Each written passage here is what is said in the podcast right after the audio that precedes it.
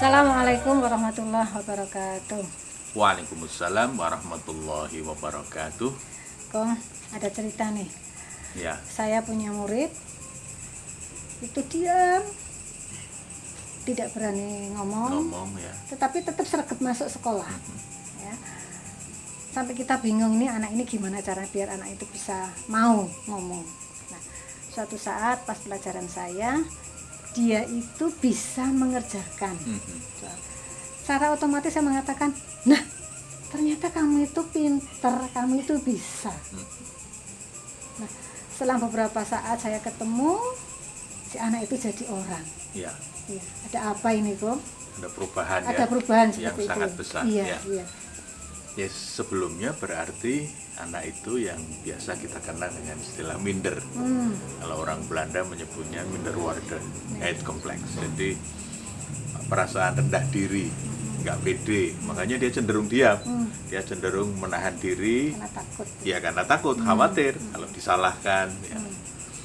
Eh, kemudian ada kecenderungan memang menarik diri secara sosial. Maka ketika yang lain bisa hahaha ribut dengan yang lain, dia cenderung Diam. diem.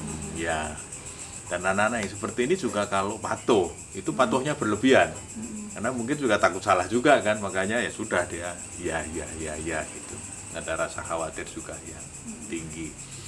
Nah, ini rendah diri ini beda dengan rendah hati.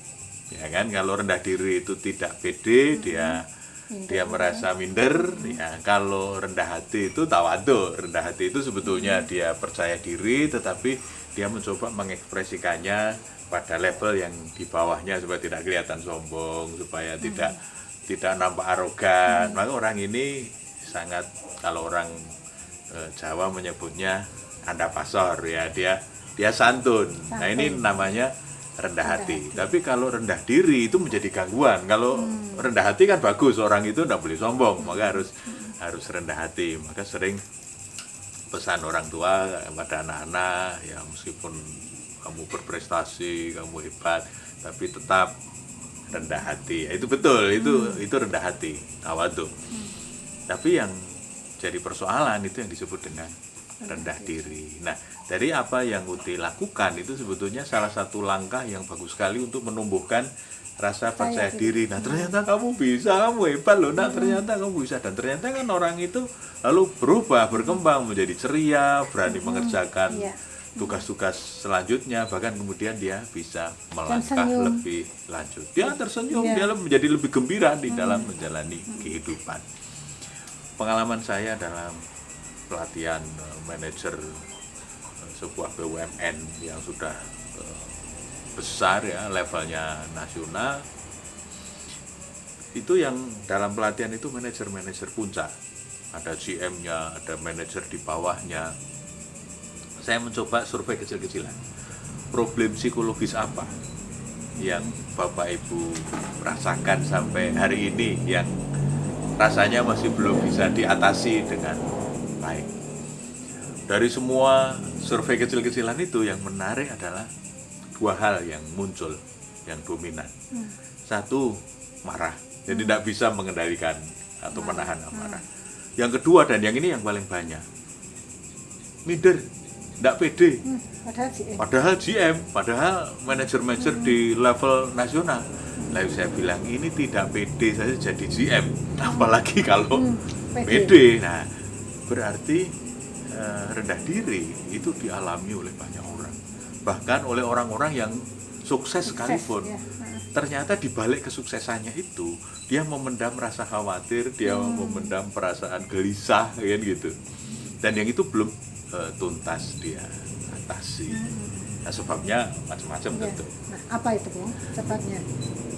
Kalau kita lihat ya sangat bervariasi ya, sangat kasuistik. Tapi yang umum itu pertama karena sikap orang tua, misalnya. Dulu-dulunya. dulu-dulunya ya waktu anak ini kecil bisa jadi murid Uti tadi itu karena sering dibanding-bandingkan dengan Iya. saudaranya. dengan bisa jadi ya kan? Misalnya kakaknya lebih pinter dari Hmm. dia nilainya lebih baik. Lalu sering dibanding-bandingkan "Oh, kamu seperti kakakmu itu loh nilainya bagus-bagus sering dibanding-bandingkan tetapi dalam posisi kalah nah itu kan nggak enak Hmm, ya, ya. Nah, lama-lama itu menekan dan itu terbentuk bahwa dia memang tidak pinter. Saya memang kurang potensial, tidak seperti kakak-kakak saya misalnya begitu. Maka kalau bisa kita hindari sebagai orang tua, sebagai guru, sebagai orang yang lebih dewasa untuk melakukan negatif labeling. Hmm. Jadi memberi label-label negatif negatif. pada adik kita dan anak kita. Karena nanti ada kecenderungan dia dia percaya dengan label-label itu, padahal sebetulnya kan belum tentu dia seperti itu. Tapi karena terus dilabeli ya bisa jadi begitu. Yang kedua mungkin juga memang ada kekurangan fisik, mungkin ada kecacatan tertentu, mungkin di kaki, mungkin di mata, mungkin di tangan atau di mana atau warna kulit atau kan ada orang itu yang merasa kalau hitam itu tidak bagus. Padahal kalau di Afrika yang semakin hitam itu semakin keren ya kan. Malah ada suku di Afrika itu yang kalau bibirnya semakin apa istilahnya kalau bibirnya panjang itu kalau orang Jawa bilang duer ya. itu semakin cantik. Nah, tapi kan ini sangat sangat berkaitan dengan budaya. Nah, budaya di sini merasa kalau hitam itu kurang kurang berkelas lah ya, misalnya gitu ya. Makanya orang hitam kadang-kadang kalau Pemutih. oh dibikin putih pakai pemutih. Nah, itu karena tuntutan tuntutan budaya. Nah, kalau dia tidak bisa menerima kekurangan fisiknya itu apa adanya, dia akan cenderung minder karena merasa ada kekurangan Kekurangan. secara fisik. Kemudian juga bisa juga karena mungkin keterbatasan kemampuan di sisi-sisi tertentu. Kebetulan tadi kalah pinter sama kakaknya lalu dibanding-bandingkan. Kebetulan kakaknya pinternya di matematika, dia matematikanya bisa. jeblok, nggak bisa. Lalu dibanding "Oh, kamu ini gimana sih? Kamu nggak belajar, kamu kamu bodoh dan lain sebagainya. Padahal anak ini mungkin matematikanya tidak bagus, tapi lain, suaranya, hmm. ah, ya kan, suaranya sangat merdu misalnya. Jadi orang sering kali hanya membandingkan di satu sudut, padahal ada eh, potensi-potensi lain yang sebetulnya sangat bagus kalau dikembangkan karena setiap orang kan dibekali Tuhan dengan Iya.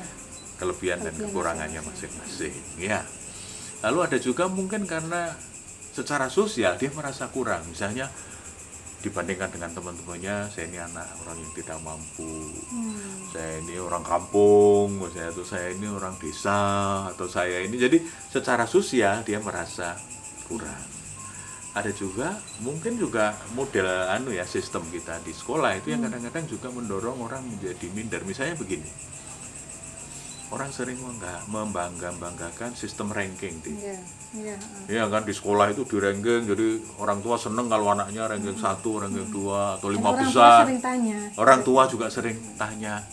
Padahal sistem ranking ini memang bagus untuk yang berprestasi karena dia selalu berada di atas. Tapi kan yang ada kan paling hanya lima besar atau 10 besar. Terus 30 yang lain ke mana? Lalu mereka merasa bukan siapa-siapa karena tidak pernah masuk ke yang lingkaran prestisius itu kan apa lima besar atau 10 besar atau juara satu, juara dua, juara tiga. Mestinya sistem yang bagus itu memberi kesempatan semua anak untuk menjadi juara. Juara, ya. Mungkin ada juara matematika, mungkin Ya, ada ya. juara seni suara, ada juara sepak bola, ya kan? Ada juara IPS, ada juara apa sehingga orang merasa ada sesuatu pada dia yang lebih dibandingkan dengan punya yang lain-lain. Ya meskipun di sisi- satu sisi dia kurang, tapi ada sisi lain yang menjadi kelebihan dia. Iya, Iya kan? Maka Allah mengingatkan di dalam surat Ali Imran yang 139 tuh wala tahinu wala tahzanu wa antumul a'launa in kuntum mu'minin. Kamu tidak perlu merasa lemah, kamu tidak perlu merasa bersedih hati. Sebetulnya kamu itu hebat, kamu itu lebih tinggi dibandingkan dengan yang ingin kuntum mukminin. Iya, Jika kamu beriman, jika kamu punya keyakinan. Hmm. Jadi kalau kita bukan saja yakin kepada Tuhan, tetapi juga yakin dengan kemampuan diri sendiri, kita bisa berkembang lebih baik. Iya, iya. berarti bisa sembuh ya kok sangat Iya. bisa diatasi kan Iya. sangat bisa sembuh. Mm-mm. caranya gimana itu kok caranya ya ada macam-macam ya tapi salah satunya misalnya karena semuanya itu kan biasanya mulai dari pikiran ya. Hmm. jadi kita ubah eh, cara pandang kita. Yang tadinya misalnya hitam itu dianggap tidak bagus ya hitam kita anggap ya ini anugerah. Iya. Kalau hitam kan malah kalau kena panas nggak bisa tambah hitam oh, memang sudah hitam. Ya gitu bikin juk aja begitu. Kadang ada yang merasa teman-teman remaja itu kalau jerawatan sudah minder minder kan gitu kok nggak nggak glowing gitu ya nggak cemerlang ya. Langit saja kalau tidak berbintang kan juga tidak indah. Jadi anggap saja jerawat Bintang. itu bintang-bintang yang bertebaran di langit biru. Jadi ini kan cara pandang. Hmm. sehingga dia bisa menerima. Wong Tuhan saja yang dilihat nggak ngelihat jerawatnya kok tapi lihat Hatinya. hati dan amal perbuatan kita. Itu satu. Ubah sudut pandang. Yang kedua ya kita berusaha untuk menerima diri sendiri ini apa adanya. Semuanya itu adalah anugerah karunia yang Tuhan berikan kepada kita ya, sebagai rasa syukur kita ya kita harus berterima kasih diberi apa pun. Mungkin yang tinggi alhamdulillah dia diberi tinggi. Kalau saya diberi pendek kurus ya alhamdulillah. Malah kalau beli kain hmm, ngirit. ngirit ya ringkas nggak usah beli panjang-panjang udah muat. Ini semuanya pasti ada hikmahnya. Jadi kita terima kondisi ini SCT apa adanya ya sebagai tanda terima kasih kita pada keadilan Tuhan. Kalau Allah mungkin memberi saya fisik yang rendah mungkin Allah akan memberi potensi lain yang tinggi itu kan selalu selalu begitu. Orang punya kekurangan tapi juga punya kelebihannya masing-masing. Yang karena itu yang perlu kita lakukan yang ketiga adalah kita explore kelebihan-kelebihan Kelebihan. kita. Jadi jangan meratapi apa Kekurangan. kekurangan tetapi justru kita explore kita coba cari sebetulnya kelebihan kita itu ada di mana. Saya masih ingat kisahnya penyanyi legendaris dari Spanyol ya Julio Iglesias. Oh, iya, ya itu penyanyi yang luar biasa dengan suara emasnya itu. Tapi apakah dia dulu pengen jadi penyanyi? Enggak Hmm. seperti umumnya orang Spanyol yang pengen jadi pemain bola. Dan betul dia menjadi pemain bola yang baik. Ketika mau menjadi bintang terjadi kecelakaan kakinya patah. Lah kalau pemain bola kok kakinya patah? Ah, habis kan? Mau andalannya cuma kaki.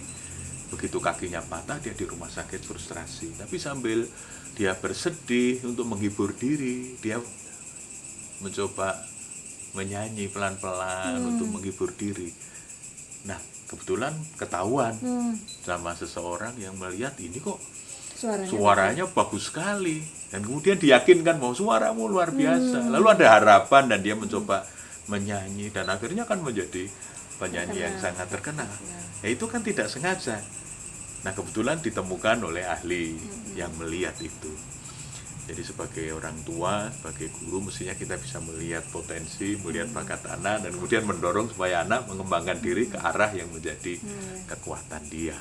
Hmm. yang keempat apa? Kita hargai prestasi kita Apa pun sendiri apa pun itu. Meskipun prestasi itu kecil alhamdulillah kita syukuri. Jangan kemudian loh kamu kan hebat bisa. Oh, enggak itu semua orang juga bisa cuma kayak gitu. Nah ini tidak menghargai prestasi mestinya kita hargai meskipun itu kecil. Yang tadinya IP-nya dua misalnya kemudian menjadi dua setengah. Ya meskipun yang lain tiga dua setengah ya alhamdulillah yang kemarin dua ini. Lama-lama terus naik bisa menjadi empat loh. Kalau itu terus dia Iya. apresiasi dihargai dia usaha dengan lebih keras. Nah jangan lupa yang kelima adalah cari sahabat yang mendukung. Hmm. jangan cari sahabat yang suka apa istilahnya membuli melecehkan me- apa ya merundung dia dengan ya kata-kata yang sahabat itu bisa guru bisa orang tua bisa juga.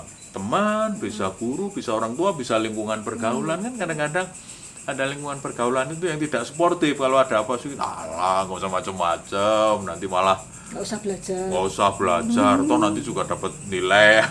Gitu gitu itu itu ya, lingkungan sahabat yang tidak tidak mendukung pengembangan diri. Nah karena itu pemirsa matahari itu cemerlang karena unik. Kembangkan keunikanmu agar bersinar cemerlang seperti matahari. Assalamualaikum warahmatullahi wabarakatuh.